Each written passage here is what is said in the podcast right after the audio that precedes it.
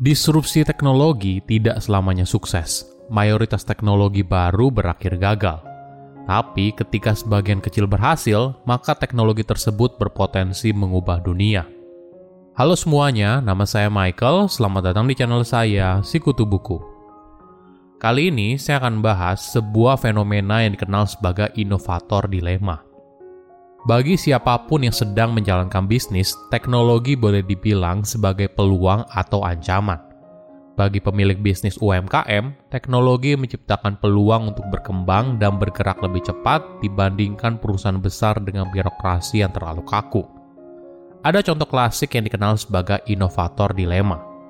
Bayangkan sebuah perusahaan yang inovatif dan sukses. Sekarang menghadapi pilihan yang sulit ketika ada teknologi baru yang disruptif – Apakah mereka ikut berubah seiring waktu? Apakah mereka berani mengambil resiko untuk kehilangan keunggulan mereka saat ini demi berpindah ke teknologi baru? Atau bermain aman dan punya resiko untuk ketinggalan zaman? Tentu saja ini pilihan yang valid dan perlu digarisbawahi tidak semua teknologi baru langsung mengubah dunia. Hanya sebagian kecil sekali teknologi baru yang berhasil. Tapi ketika teknologi baru itu berhasil sukses, maka landscape bisnis berubah 100%. Pada akhirnya, tidak ada pemimpin di perusahaan yang ingin berakhir menjadi kodak kan, tetap bersikuku di roll film ketika kamera digital mulai ngetren. Sebelum kita mulai, buat kalian yang mau support channel ini agar terus berkarya, caranya gampang banget. Kalian cukup klik subscribe dan nyalakan loncengnya. Dukungan kalian membantu banget supaya kita bisa rutin posting dan bersama-sama belajar di channel ini. Di masa lalu, ketika kita bicara soal bisnis, mungkin yang sering kali terpikir adalah membuka toko, membuka kedai, membuka rumah makan, dan sebagainya. Tapi di era sekarang, peluang bisnis justru ada di teknologi. Meskipun begitu, perubahan bisnis bergerak begitu cepat, dan kadang bisnis sulit mengimbanginya. Contohnya begini, Kodak, sebuah perusahaan asal Amerika Serikat yang memproduksi berbagai macam produk yang terkait dengan fotografi analog pada awalnya, mereka berkompetisi untuk menciptakan roll film yang bagus, betapa bagus warna yang dihasilkan, dan berbagai perkembangan lainnya. Tapi ketika teknologi fotografi digital muncul, ada dilema besar, dan mereka harus memutuskan apakah mereka bersedia mengubah apa yang mereka lakukan saat ini dan bertransformasi menjadi perusahaan yang berkaitan dengan fotografi digital atau tidak. Jika iya, artinya mereka perlu jenis produk yang 180 derajat berbeda – kamera yang berbeda, pabrik yang berbeda, dan jenis pekerja yang berbeda. Bila kamu jadi pemilik perusahaan, apakah kamu berani berkomitmen sebesar itu? Apakah kamu mengadopsi hal baru atau bersikuku pada hal lama yang sudah terbukti berhasil? Mayoritas orang sering kali menganggap diri mereka sebagai orang yang up to date. Mereka terbuka dengan teknologi.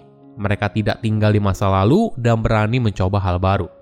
Tapi realitanya tidak begitu sulit sekali untuk mengubah kebiasaan yang sudah ada dan preferensi yang sudah terbentuk. Nah, apakah kamu adalah orang yang melek teknologi dan terbuka hal baru? Jika iya, apakah kamu bersedia mengganti pasta gigi kamu sekarang dengan pasta gigi jenis tablet?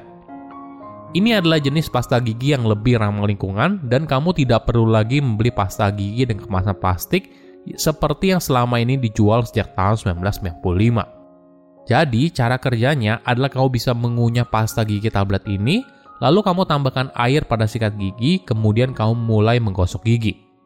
Walaupun alternatif ini lebih ramah lingkungan daripada sekarang, tapi ternyata tidak banyak konsumen yang bersedia untuk pindah. Kenapa? Mungkin perlu dipahami kalau manusia adalah makhluk yang terbentuk oleh kebiasaan.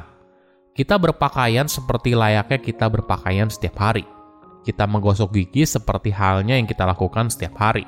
Jadi, jika sebuah perusahaan atau merek ingin mengubah perilaku konsumen, maka mereka harus mencoba untuk mengubah kebiasaan yang sudah ada, dan ini bukan pekerjaan yang mudah. Kembali ke contoh pasta gigi. Ketika kita pergi ke supermarket untuk membeli pasta gigi, kemungkinan besar kita membeli jenis dan merek yang kita gunakan. Bahkan mungkin saja kita tidak melihat jenis dan merek yang lain. Alasannya sederhana, karena barang itu bukan merupakan bagian dari rutinitas belanja harian.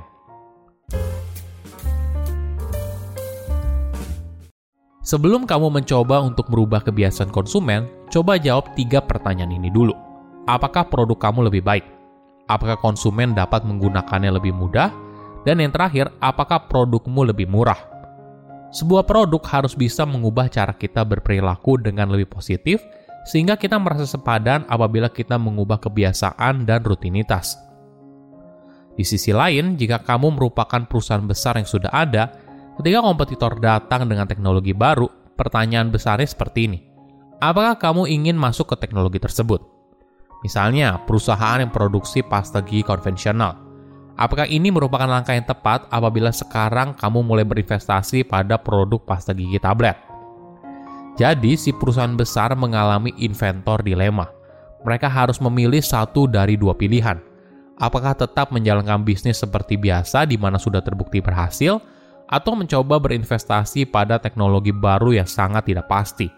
Tapi ada kemungkinan kecil jika teknologi itu sukses, maka akan mengubah pasar secara signifikan. Banyak pemimpin di perusahaan besar kesulitan membuat keputusan ini. Alasannya karena mereka takut salah. Mayoritas disrupsi teknologi berakhir gagal dan ini merupakan keputusan yang tepat untuk tidak masuk ke sana. Namun jika mereka salah, ini adalah kondisi yang fatal mereka bisa dicatat dalam sejarah sebagai perusahaan yang lamban dan tidak bersedia untuk berubah. Menariknya, di tahap awal, disrupsi teknologi tidak terlihat sebagai ancaman. Memang betul ini adalah cara baru atau teknologi baru, tapi belum tentu lebih baik. Contohnya adalah Blockbuster dan Netflix. Di tahap awal, Netflix jauh lebih buruk daripada Blockbuster. Bayangkan kamu butuh lima hari untuk film yang kamu sukai ada di kotak suratmu, dibandingkan hanya lima menit jalan kaki ke toko blockbuster di dekat rumah. Jadi wajar saja, di tahun awal, Netflix mudah sekali untuk dipinggirkan, dan itu yang memberikan mereka waktu untuk jadi lebih baik. Oke, berapa lama sih sebuah inovasi bisa menyebar luas dan digunakan banyak orang? Ada sebuah pola dinamakan siklus hidup adopsi teknologi atau dikenal sebagai S-curve. Secara umum, adopsi teknologi baru berjalan sangat lambat di awal. Kemungkinan hanya digunakan oleh penghobi. Tipe konsumen ini jauh berbeda dengan mayoritas tipe konsumen pada umumnya. Di tahap awal, sulit mengetahui apakah sebuah teknologi bisa sukses berkembang luas atau gagal.